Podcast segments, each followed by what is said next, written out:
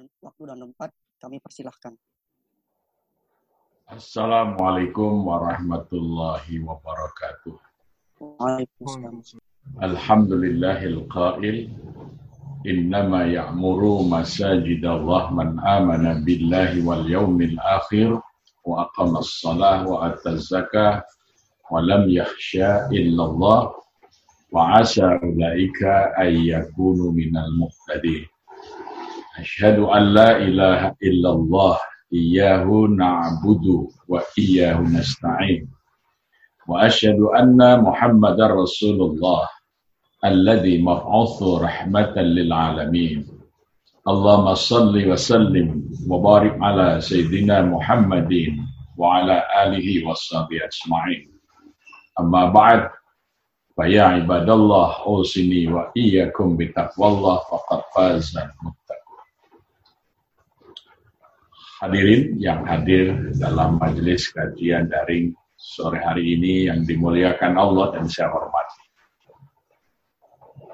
Dalam surah At-Taubah pada ayat ke-18 yang tadi saya nukil, Allah menyatakan innama ya'muru masajidallah man amana billahi wal yaumil akhir wa aqamas shalah wa ataz zakah wa lam yakhsha illallah wa asa ulaika ayyakunu minal muhtadin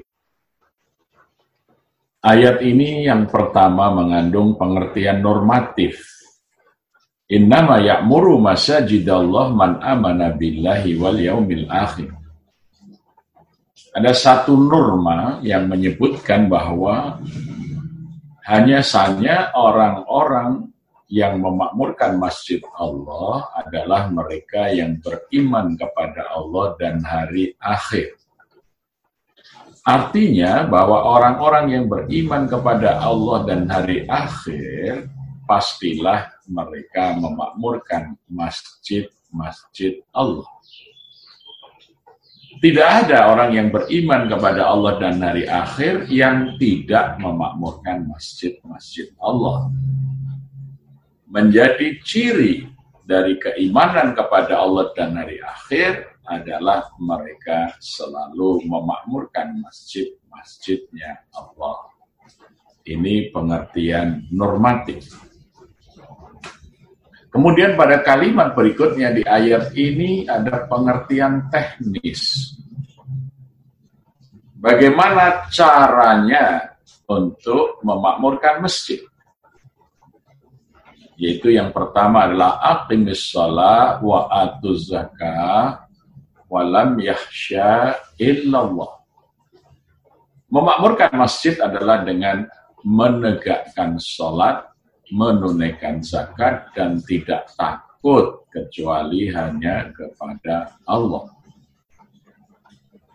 Maksudnya bahwa para takmir masjid, para dewan kemakmuran masjid, mereka yang mendapat mandat untuk memakmurkan masjid, wajib, wajib, wajib menggerakkan, memobilisasi masyarakat untuk selalu berbondong-bondong mendatangi masjid, terutama ketika ada seruan Hayya Allah sholat berjamaah lima waktu dikerjakan di masjid. Tidak cukup, tidak cukup, tidak cukup DKM hanya memerintahkan muadzin menyerukan Hayya Allah sholat. Harus ada upaya yang serius bagaimana masjid masyarakat. Harus ada upaya serius memobilisasi dan menggerakkan masyarakat untuk menegakkan sholat berjamaah di masjid. Tidak sekedar meneriakkan adan, tapi melaksanakan adat. Ya. Karena adzan itu harus dilaksanakan, tidak hanya diteriakkan dengan melalui speaker. Itu belum pernah dilakukan oleh Rasulullah Sallallahu Alaihi Wasallam. Tapi Rasulullah menggerakkan orang untuk datang berjamaah masjid. Dan bahkan Rasulullah mengancam akan membakar rumah orang-orang yang tidak memenuhi panggilan adat. Di dalam hadis yang mutafak alaih. Jadi DKM belum melaksanakan tugasnya kalau hanya lima waktu mengumumkan tetapi tidak menggerakkan secara serius supaya seluruh masyarakat muslim yang ada di lingkungan itu mendatangi masjid pada saat-saat sholat berjamaah. Ini uh, harus ada keseriusan. Ini dimulai dari pendataan siapa sesungguhnya yang menjadi tanggung jawab takmir masjid di situ. Siapa muslim, siapa yang sudah mukalaf, artinya siapa yang sudah wajib untuk melaksanakan sholat. Siapa yang mereka sudah sholat tapi belum berjamaah ke masjid. Apa kesulitan mereka dan bagaimana caranya mereka kemudian menjadi orang-orang yang selalu hadir memenuhi panggilan adzan di masjid-masjid ini adalah tugas DKM sebagai pemakmur masjid yang pertama. Dari waktu ke waktu, secara terukur, bisa dilihat masjid itu semakin makmur, softnya semakin bertambah. Ya. Jumlah jamaah yang melaksanakan sholat lima waktu berjamaah di masjid dari waktu ke waktu meningkat jumlahnya itu baru namanya DKM yang melaksanakan tugas kemakmuran. Tidak cukup membeli sound system, kemudian meneriakkan panggilan agan. Tidak cukup. Ya, kemudian yang kedua adalah wa'atuz zakat. Menunaikan zakat. Ya, menunaikan zakat, bukan menerima. Ya.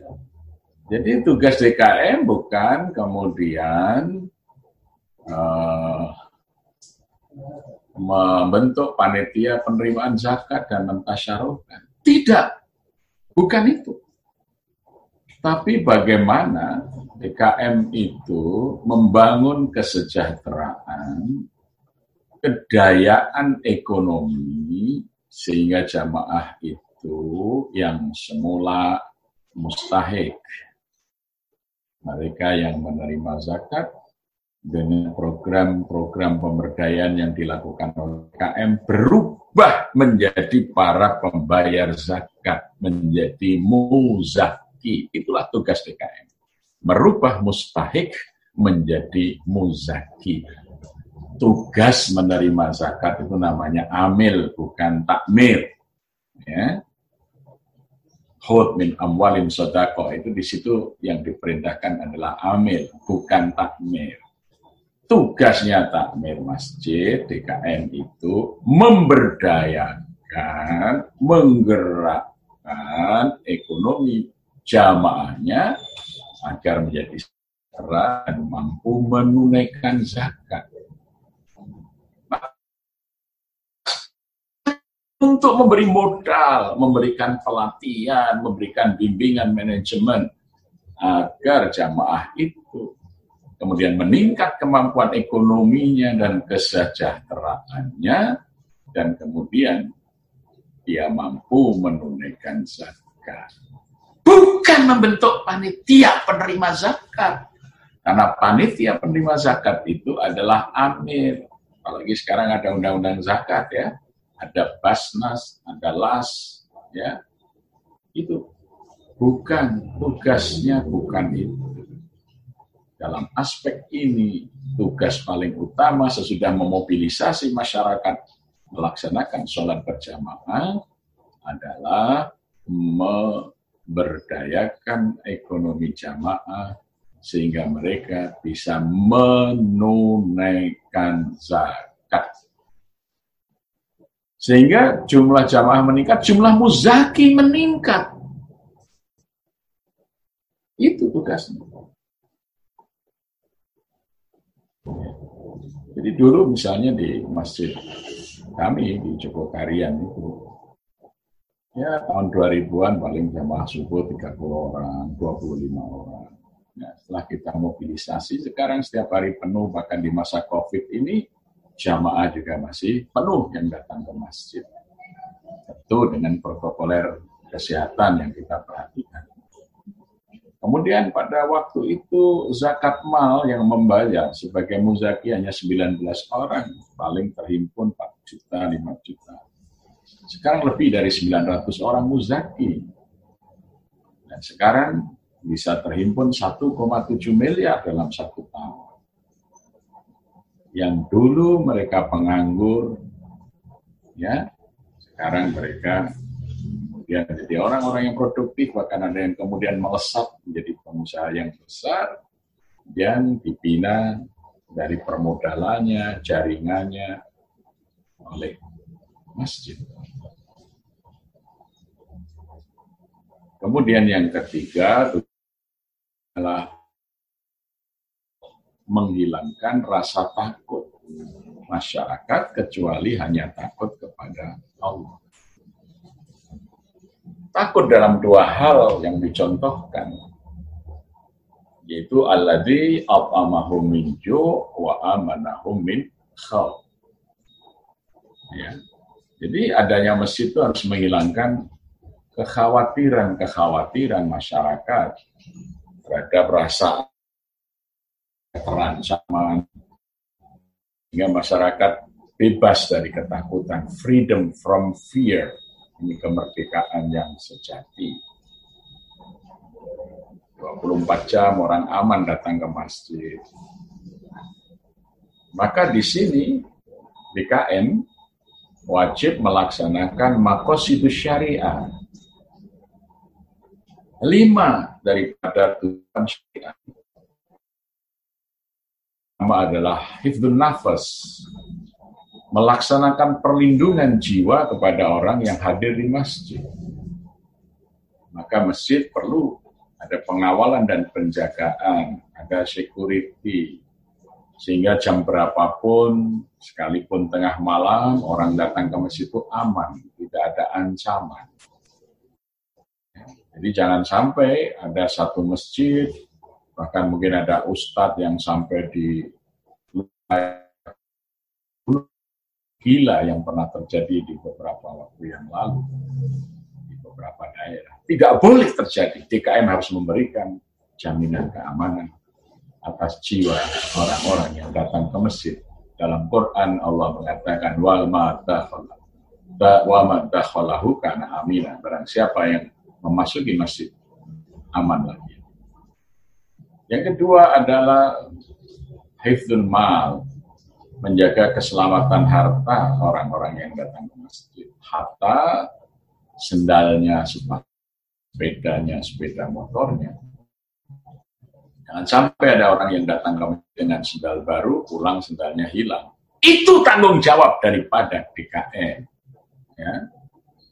Maka kalau di masjid kami, di Masjid Jogokarian ada garansi sekiranya ada sendal, sepatu, sepeda, sepeda motor hilang akan diganti baru dengan merek yang sama oleh DKM. Itu hifdul ma, lindungilah mereka yang datang dengan hartanya, jangan sampai orang datang sholat, motor yang dibeli dengan menabung bertahun-tahun, atau bahkan ada yang baru kredit, ya tiba-tiba hilang di masjid tinggal sholat ini tanggung jawab BKN adalah memberikan rasa aman, perlindungan terhadap harta mereka yang datang. Kemudian yang ketiga adalah oh, menjaga akal, nalar, pikiran dari masyarakat yang datang ke masjid. Mereka yang datang ke masjid harus dicerahkan, mendapat pendidikan, mendapat pemahaman, penalaran agama yang benar. Tidak menjadi umat tanpa pemahaman, tanpa ilmu. Maka masjid harus menjadi pusat pengayaan intelektual dan akal masyarakat. Sekalipun jamaah itu ada yang tidak sekolah, tapi kalau aktif ke masjid, wawasannya tidak boleh kalah dengan mereka yang berpendidikan di perguruan. Sekalipun tanpa ijazah. Kalah dengan mereka yang sudah datang kuliah di kampus universitas, mereka yang datang ke masjid pun mempunyai wawasan keilmuan yang memadai. Itu hibdul akal.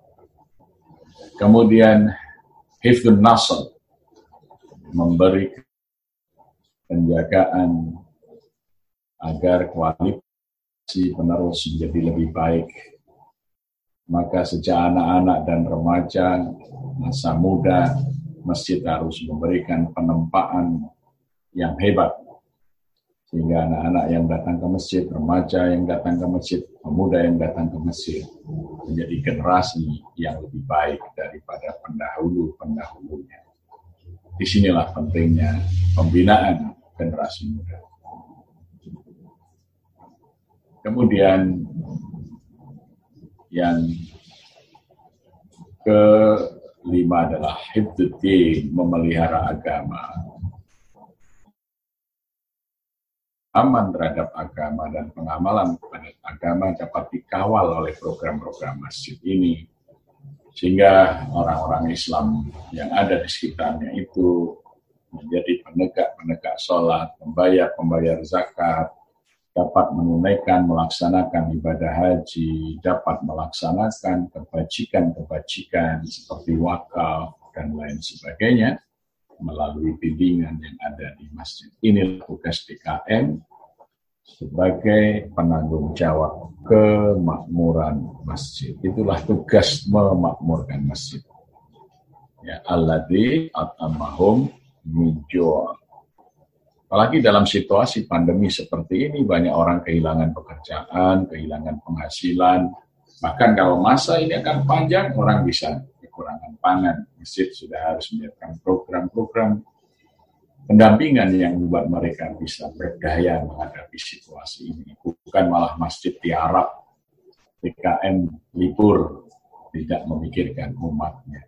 Ini saat diuji kesungguhan dan loyalitas melindungi jamaah dan warganya di masa-masa sulit bukan lari dari tanggung jawab. Kemudian dengan melaksanakan program-program kemakmuran yang demikian Allah mengatakan fa'asa ulaika yakunu minal muhtadin maka mudah-mudahan mereka menjadi bagian dari orang-orang yang selalu mendapat petunjuk. Nah, kalau masjid bisa berfungsi demikian, maka landas peradaban itu akan tumbuh sebagaimana yang digambar Rasulullah di dalam hadis Bukhari, ahabul biladi indallah masjiduha abadul biladi indallah aswaqiha. Tempat yang paling dicintai Allah adalah masjid-masjidnya dan tempat yang dibenci Allah adalah pasar-pasarnya. Dalam lafat yang lain Rasulullah menegaskan khairul makan al-masjid wa syarul makan asyuk. Tempat yang terbaik adalah masjid dan tempat yang terburuk adalah pasar. Maka masjid yang membina, menempa masyarakat menjadi masyarakat yang mematuhi perintah Allah akan lahirlah generasi terbaik sebagaimana digambarkan surah Ali Imran pada ayat 110 untuk khaira ummatin ukhrijat linnasi ta'muruna bil ma'ruf wa tanhauna 'anil munkar wa tu'minuna billah maka dari masjid akan lahir generasi terbaik bangkitkan di tengah manusia selalu membela mereka, menolong mereka, menyelamatkan mereka, melindungi mereka bukan justru masjid menjadi tempat yang senantiasa menjadi beban dan persoalan bagi masyarakat. Tapi masjid hadir menyelesaikan, memberi solusi dari program-program kehidupan umat. Di dunia ini hanya ada dua peradaban saja, yaitu peradaban masjid dan peradaban pasar. Peradaban masjid basic dasar nilainya adalah ketundukan, ketaatan kepada Allah Subhanahu wa taala. Semua sistem kehidupan mengikuti apa yang telah diturunkan Allah baik di dalam kitabnya maupun di dalam perilaku yang dicontohkan oleh Rasulnya. Maka cara hidup adalah dengan kejamahan ta'awanu alal birri wa saling tolong menolong dalam kebajikan dan takwa untuk menciptakan kesejahteraan, kedamaian, kemakmuran bersama. Sedangkan peradaban pasar nilai dasarnya adalah materialisme, madiyah kebenaran. Maka kalau di masjid, siapa yang layak memimpin? Mereka yang paling taat kepada Allah. Inna akramakum indallahi atqakum. Ya, mereka yang paling bertakwa, yang paling paham tentang agama. Di pasar siapa yang memimpin? Banyak. Para pemilik modal. Di masa abad pertengahan Eropa ketika masih dalam masa agraris, modal itu direpresentasikan dengan kepemilikan sapi. Ya. Siapa yang sapinya paling banyak itu orang paling kaya, paling menentukan, paling berpengaruh. Dan orang Eropa kalau menghitung sapi satuannya kepala, kalau kita ini satuannya ekor. Mungkin kita ini akan jadi bangsa pengikut. Ya. Nah, kepala sapi dalam bahasa Latin disebut koput, diserap dalam bahasa Inggris menjadi capit.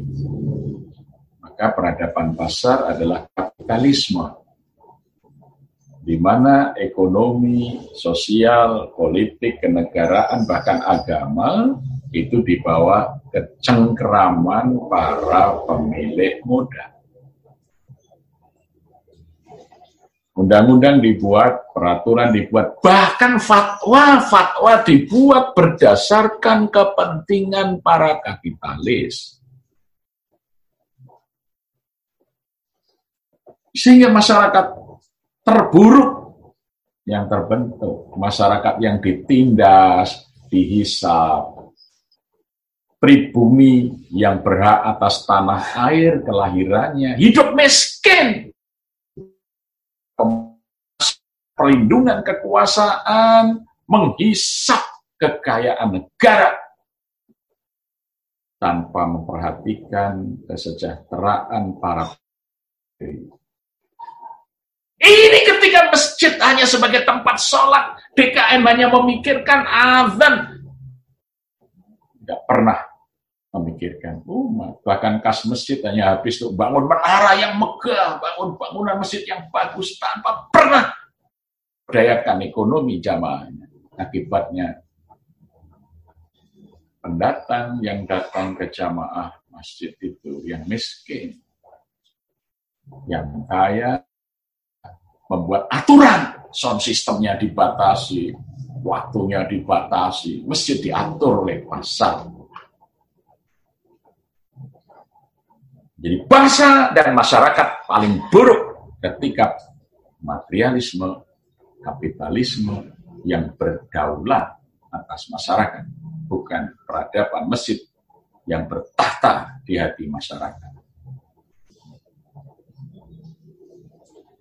Maka ketika kapitalisme di Eropa sudah meningkat, mereka kuat modalnya mencari tanah-tanah baru, dimulai dari negara Spanyol, Tanah baru dalam bahasa Spanyol disebut kolonia. Maka peradaban pasar meningkat menjadi kolonialisme. Kolonialisme. Mereka berbondong-bondong datang ke negeri-negeri baru untuk dijajah, dikuasai, diadu domba, dikuasai, divide et ya.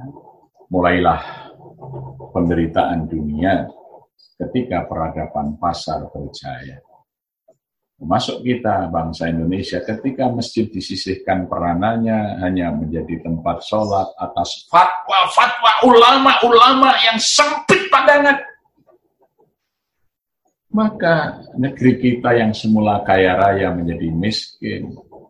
Kerajaan-kerajaan kita diadu domba satu sama lain. Bahkan dalam satu kerajaan keluarga diadu domba dan kemudian dijajah Maka peradaban itu ada dua, peradaban masjid dan peradaban pasar. di Jadi kalau misalkan masjid sudah dikekang oleh fatwa-fatwa ulama yang sempit pemikirannya, lur, maka jadi kita bisa peradaban pasar hari ini dominasi peradaban pasar telah mengalahkan dan meminggirkan peradaban masjid maka saatnya masjid bangkit dimulai dengan merubah mindset para DKM.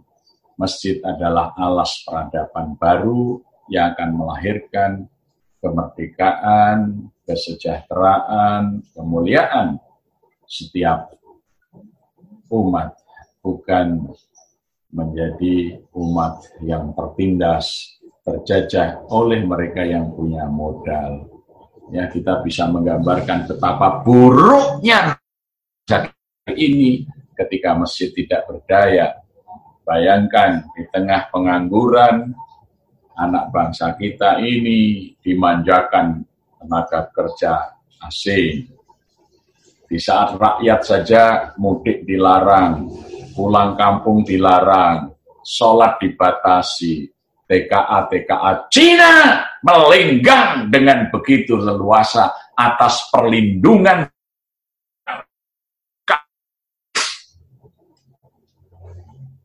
Ini ketika masjid tidak berperan membela rakyat masjid diam ulama-ulama diam. Menjadi terhina bangsa kita ini tambang-tambang kita dirampok habis. Untuk kesejahteraan bangsa lain yang kafir. Sementara muslim pemilik tanah kelahirannya tidak mendapatkan secuil harapan. Karena kapitalisme peradaban pasar telah mengangkangi peradaban masjid dimulai dari ketolongan para ulama yang tidak punya wawasan tentang peradaban masjid. Mereka menjadi pendukung pasar. Siapa yang datang membawa modal dimuliakan? Ustadz-ustadz dikasih mobil bagus, tetapi tidak boleh menjadi orang-orang yang radikal di dalam membangun nasib rakyat. Dicap ekstremis dan lain sebagainya. Senting para ulama yang demikian itu harus diluruskan. Ini saatnya masjid bangkit sebagai pusat kemuliaan umat dan bangsa.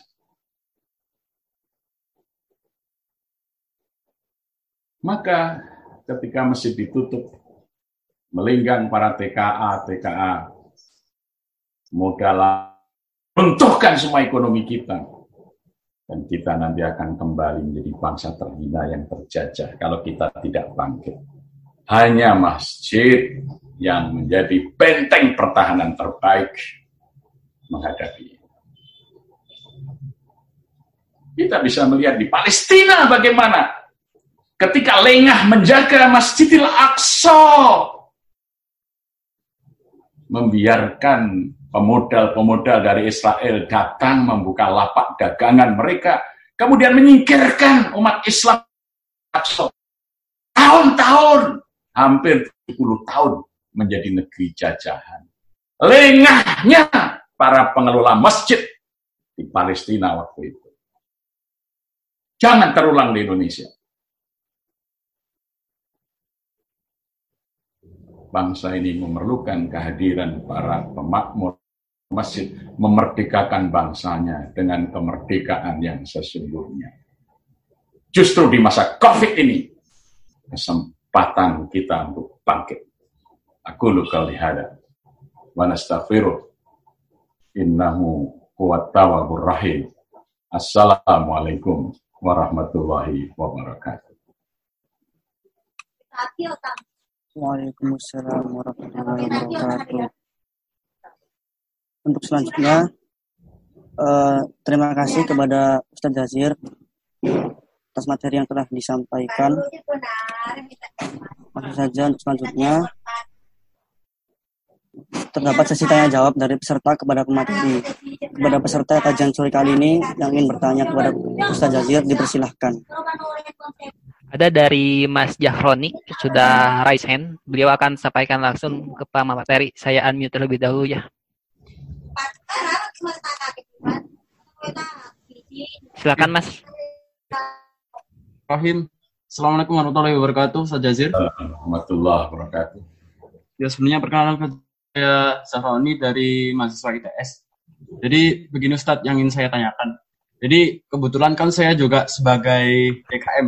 Jadi di saya di Masjid Manurul ITS ada takmir, kemudian yang membawahi di bawahinya itu ada apa yang sebagai DKM-nya untuk yang tadi seperti Ustaz Jazir bilang mungkin takmir lebih ke fungsi uh, pembangunan masjid dan mahasiswa di sini untuk mengajak seruan seruan ke teman-teman mahasiswa di kampus ITS. Dan yang ingin saya tanyakan Ustadz sebenarnya ini mungkin uh, sedikit curhat terlebih dahulu. Jadi untuk kondisi sekarang Ustadz di masjid di masjid ITS itu uh, adanya apa ya? Adanya pembatasan Ustadz dari takmir. Bagaimana ada barusan barusan barusan banget ini uh, ada pergantian takmir baru. Dan takmir baru ini sangat membawa kepentingan golongan Ustadz yang kami rasakan dari teman-teman mahasiswa. Sehingga kami rasa jika ini diteruskan itu nggak bakal nggak sehat gitu Ustadz karena yang kami yakini semua dari teman-teman mahasiswa atau teman-teman JMMI namanya Jamaah Masjid Manurul Ilmi bahwa masjid kampus itu adalah masjid netral Ustaz. Jadi uh, saya saya rasa gitu ya, saya rasa jika ini terus di terus berlangsung Ustaz, maka uh, fungsi masjid itu juga akan akan apa ya, akan hilang gitu Ustaz. Jadi mohon nasihatnya Ustaz terkait pertanyaan itu. Kemudian ada pertanyaan kedua yaitu mengenai peran remaja masjid Ustaz. Karena kan kita juga sebagai remaja masjid, remas, uh, harus menyesuaikan dengan kondisi sosial dengan yang terjadi di masyarakat atau hanya terbatas pada hal-hal yang berkaitan dengan masjid? Mungkin itu dua pertanyaan dari saya, Ustaz. Mohon nasihatnya, Ustaz. Terima kasih. Wassalamualaikum warahmatullahi wabarakatuh. Salam. Ya, sebaiknya masjid, terutama masjid kampus, itu harus menjadi pemersatu dan perekat umat dan bangsa. Peran ini sudah dilakukan pada akhir tahun 70-an bagaimana dari kampus-kampus itu masih dimakmurkan. Pada tahun 70-an akhir itu Insinyur Imaduddin Abdurrahim melalui Masjid Salman ITB membuat gerakan Back to Mosque. Dan kemudian bergeraklah kampus-kampus itu, para aktivis mahasiswa memakmurkan masjid-masjid kampus muncullah masjid-masjid kampus di berbagai perguruan tinggi di Indonesia dan di situ merangkum semua kelompok, semua golongan yang semula antar kelompok, antar mata, antar organisasi sering bertemu melalui masjid kampus mereka disatukan. Jadi kalau sampai kemudian masjid kampus terwarnai oleh satu golongan itu adalah pengkhianatan terhadap peran masjid kampus harus dilawan Nggak boleh terjadi. Masjid kampus pusat menyatukan. Intelektualitas anak kampus. Kemandirian pikiran anak kampus tidak boleh ditaklukkan oleh kepentingan politik sesaat. Kemenangan golongan hanya untuk mendukung elit-elit politik. Lawan! Itu saran saya. Yang kedua, peran remaja masjid itu adalah membangun generasi baru kemasjidan yang berkualitas. Lahirlah kemudian para intelektual kampus, lahirlah para teknokrat dari kampus yang membawa nilai-nilai ketundukan kepatuhan. Muncul yang kuat pandangan agamanya cukup mewarnai Indonesia akhir-akhir ini hanya kelompok-kelompok yang anti agama itu minta pertolongan pada negara-negara kafir, negara-negara komunis sekarang ini untuk memperkuat diri dan ya berseteru mereka dengan umat kadang-kadang menggunakan ulama-ulama show untuk merusak kohesivitas umat yang sudah bagus. Maka remaja harus lahir memiliki lima kualitas, lima M. Satu, harus menjadi generasi muwahid, pemersatu umat. Yang kedua adalah mujahid, harus menjadi generasi pejuang penegak kebenaran yang memuliakan agama Allah dengan harta dan jiwa mereka. Jadi mujahid-mujahid. Kemudian yang ketiga menjadi musyadid, pelurus yang tegak lurus membawa kebenaran, bukan tunduk pada rejim yang jahat dan pembohong. Remaja harus bangkit untuk menegakkan, menyuarakan kebenaran.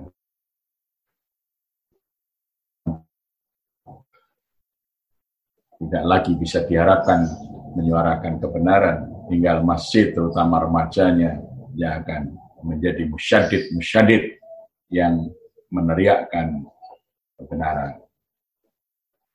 Kemudian yang keempat adalah menjadi muaddi, pendidik yang mencerdaskan umat. Melihat situasi, bagaimana membawa umat pada jalan yang terang, jalan yang lurus, yang menyelamatkan rakyat, negara dan bangsa ini dari belenggu, para pemimpin pengkhianat, para ulama penjual agama, para buruh-buruh politik yang telah menindas dan mengorbankan rakyat dan agama hanya untuk kepentingan jabatan-jabatan mereka.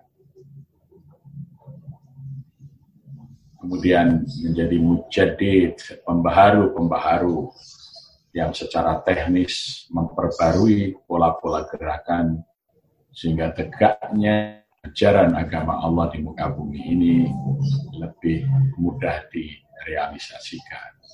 Jadi daripada gerakan remaja masjid yang telah pernah dibuktikan pada angkatan-angkatan awal daripada masjid-masjid kampus yang kemudian menghasilkan perubahan-perubahan di tengah umat pada masa itu. Jangan kita kembali menjadi remaja-remaja yang terkangkangi oleh kepentingan kelompok politik, golongan-golongan yang mencari kepentingan diri. Masjid kampus, terutama remaja masjid kampus, harus menjadi pendobrak keadaan. Harus melahirkan pemberani-pemberani di dalam menyampaikan kebenaran. Bukankah bangsa Indonesia ini dilahirkan oleh anak-anak radikal, Soekarno, ya, yang lahir kampus ITB, Hatta yang dibesarkan di kampus Amsterdam dan berani melawan Belanda pada masa itu. Bahkan dia berani bersumpah tidak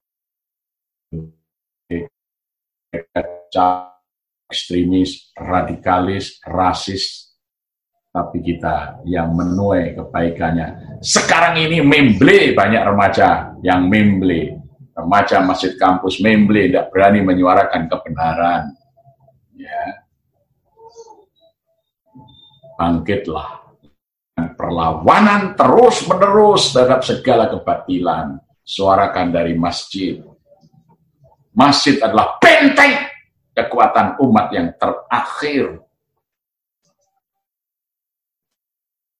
kalau nggak berani nggak usah mengatasnamakan masjid kampus satu kampus adalah sumber kecerdasan dua masjid adalah sumber keberanian jadi ciri remaja masjid kampus adalah cerdas dan berani. Tidak hanya cerdas dan tidak hanya berani, tapi cerdas dan berani. Di saat ini sedang dibutuhkan anak-anak muda seperti ini untuk merubah keadaan menjadi lebih baik. Oleh karenanya masjid ini selalu saja disorot transportasi umum bebas.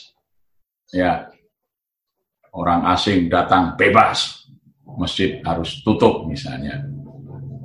Ini logika-logika yang di belakangnya adalah penguasa-penguasa pasar, para kapitalis, para cukong-cukong yang punya kepentingan dan agenda membungkam kaum muslimin untuk mempertahankan kekayaan negara, alam kekayaan warisan dan anugerah Allah untuk bangsa ini dirampasnya dan ya semuanya diam. Maka masjid diganti kepada golongan yang cengeng, yang takluk, pasal enggak. Kira itu. Ya, sudah. Oke, jazakallah khair memotivasi kami.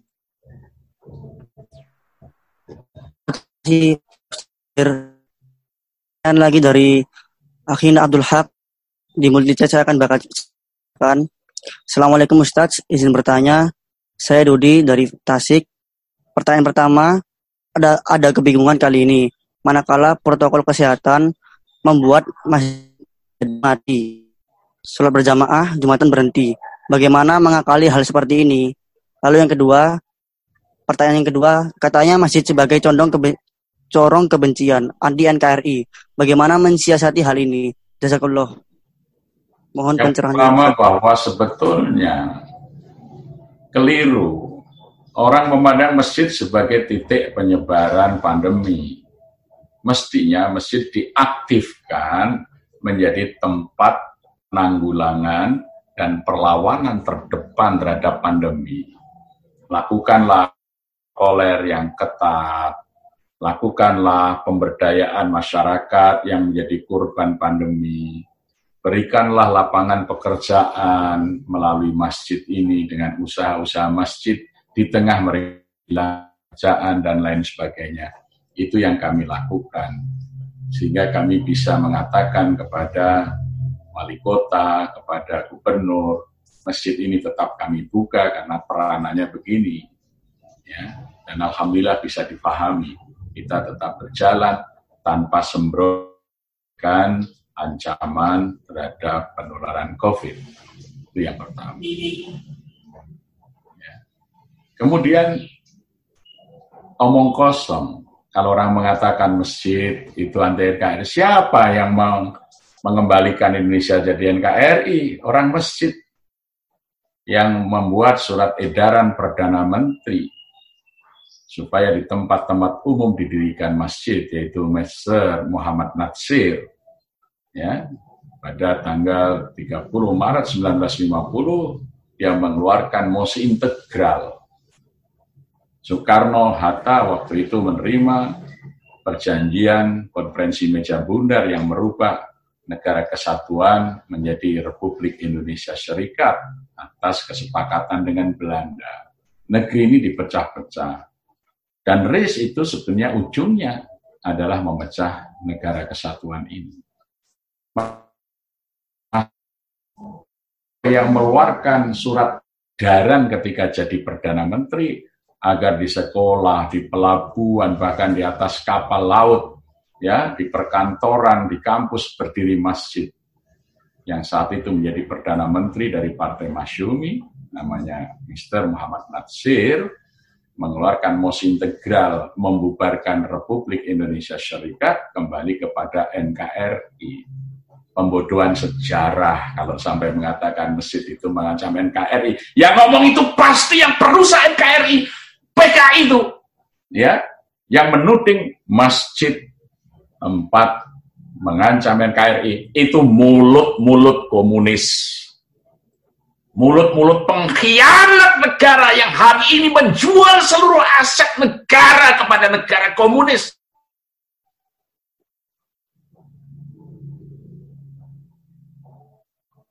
Lawan, lawan. Pernyataan itu adalah kebohongan, kejahatan, mulut-mulut busuk para pengkhianat negara yang menggunakan tudingan-tudingan masjid sebagai ancaman negara kesatuan. Tanpa masjid, tidak ada Indonesia. Siapa yang selalu menggerakkan perlawanan terhadap penjajah? Para ulama kita maka sejarawan Belanda P.J. Bolen mengatakan, perjuangan bangsa Indonesia itu selalu disebut santri insurrection, perlawanan kaum santri. Ya, sejak dari ulama besar yang menjadi Sultan Mataram, Sultan Agung Hanyokorokusumo, yang pertama menggerakkan Laskar Jihad pada tahun 1628, 1629. Terus sampai keturunannya, terakhir Perang Jawa terbesar, Pangeran Diponegoro, seorang ulama besar, masjid itu sebagai basis pertahanannya. Ya. Mana ada perlawanan dilakukan oleh umat lain di negeri ini,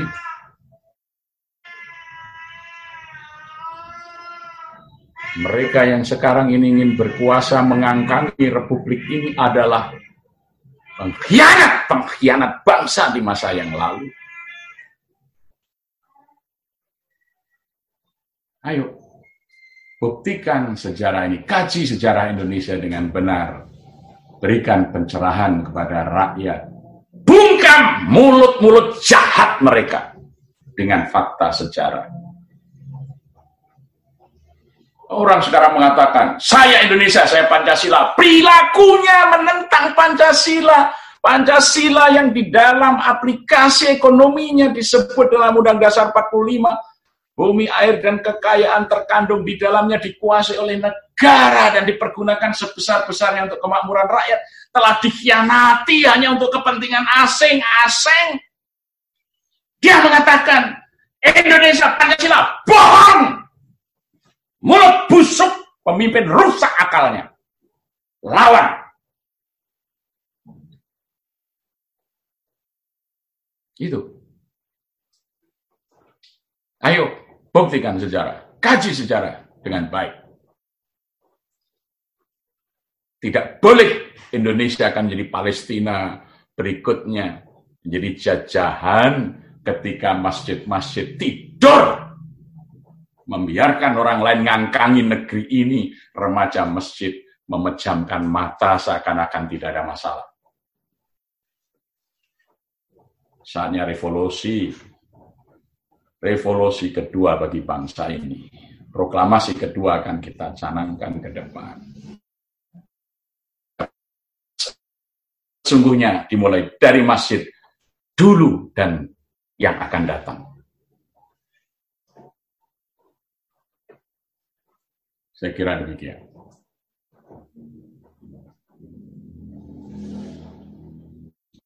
Uh, terima kasih Ustadz Jazir untuk penjelasannya. Uh, lalu ada pertanyaan lagi dari multi chat dari Ibu Tintin.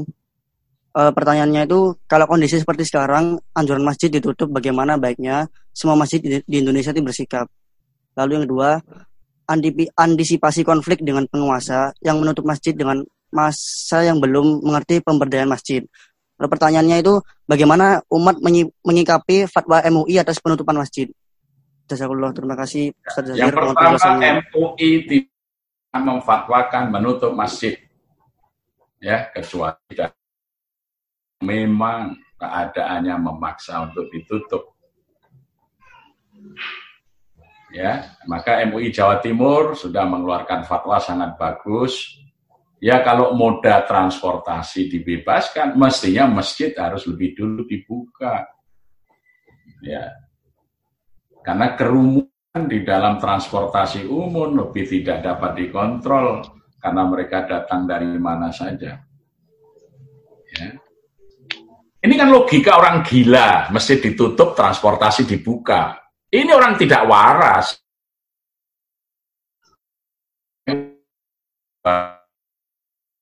Kenyataan, bahkan juga MUI pusat menegaskan satu Stop dong pendatang Cina itu. Coba lihat pernyataan MUI itu. Om Cina itu sumbernya pandemi COVID kok malah bebas melinggang masuk ke Indonesia. Itu akal waras mana yang membenarkan? Sementara rakyat tidak boleh keluar rumah. Orang asing yang negeri asalnya virus bebas melinggang. Ini kan hanya karena mereka ini membawa modal. Inilah Indonesia bukan negara Pancasila lagi, sekarang ini negara kapitalis. Antek-antek kapitalis itu buat kebijakan yang sangat menyinggung perasaan rakyat, menodai kesetiaannya kepada negara dan bangsa hanya untuk kepentingan modal. Ya, masjid jangan tunduk pada kejahatan kebijakan yang seperti itu. Lawan. Ya, jadi transportasi publik dibuka masjid harus ditutup. Nalarnya itu gimana dari sisi kesehatan? Waras atau enggak yang berpikir seperti itu? Periksa ke dokter jiwa perlu tuntut mereka periksa ke dokter jiwa membuat kebijakan yang gila seperti ini. Ya orang di masjid saja yang sudah jelas dari rumah, mungkin sudah bersuci nanti berwudu dan lain sebagainya, lebih bisa menjaga diri. Orang yang berkeliaran dengan bebas dibebaskan. Maka kembalilah pegangi fatwa MUI dengan benar pelajari. Tidak ada sedikit pun fatwa MUI menyuruh masjid tutup kecuali dalam keadaan yang mengancam. Ya, gitu. Tapi kalau sekarang ini kebijakan yang dompleng fatwa NUI kemudian membebaskan orang berlalu lalang dengan bebasnya transportasi, apalagi sumber-sumber datangnya pandemi malah dibebaskan, penerbang domestik ditutup, penerbangan asing bebas, dan asing itu didominasi dari sumber COVID. Ini kita mau diam. Masjid adalah penegak kebenaran. Harus menyuarakan terus kebenaran ini. Walaupun pahit. Kulil haqqo walau kana muron. Sampaikan yang benar sekalipun pahit. Jadi pahami kembali fatwa MUI ini dengan cermat, dengan benar, ya. Jangan mengikuti tafsir fatwa MUI ini, mengikuti kemauan para pemilik modal. Kita berada di rumah, orang lain merampas semua kekayaan kita, mendatangkan barangkali ya masa yang lebih banyak dari negara sumber dari COVID itu. Tahu-tahu pulau-pulau kita ini sudah jatuh ke tangan bangsa lain nanti ketika kita ini berada di rumah terus, sementara bangsa lain mengatur strategi menguasai wilayah-wilayah kita. Ini kecintaan umat Islam kepada negeri yang didirikan oleh para pendiri kita, para perintis kita, negara Indonesia ini harus kita jaga. Tidak boleh membiarkan negeri ini jatuh kembali kepada penjajahan, lebih-lebih yang menjajah ini bangsa yang tidak beragama, bangsa yang rakus, bangsa yang miskin, tentu lebih berat penderitaannya daripada penjajahan di masa yang lalu kalau ini kita biarkan terjadi. Jernihlah berpikir, tegaslah bersikap, lawan setiap kebatilan. Saya kira itu.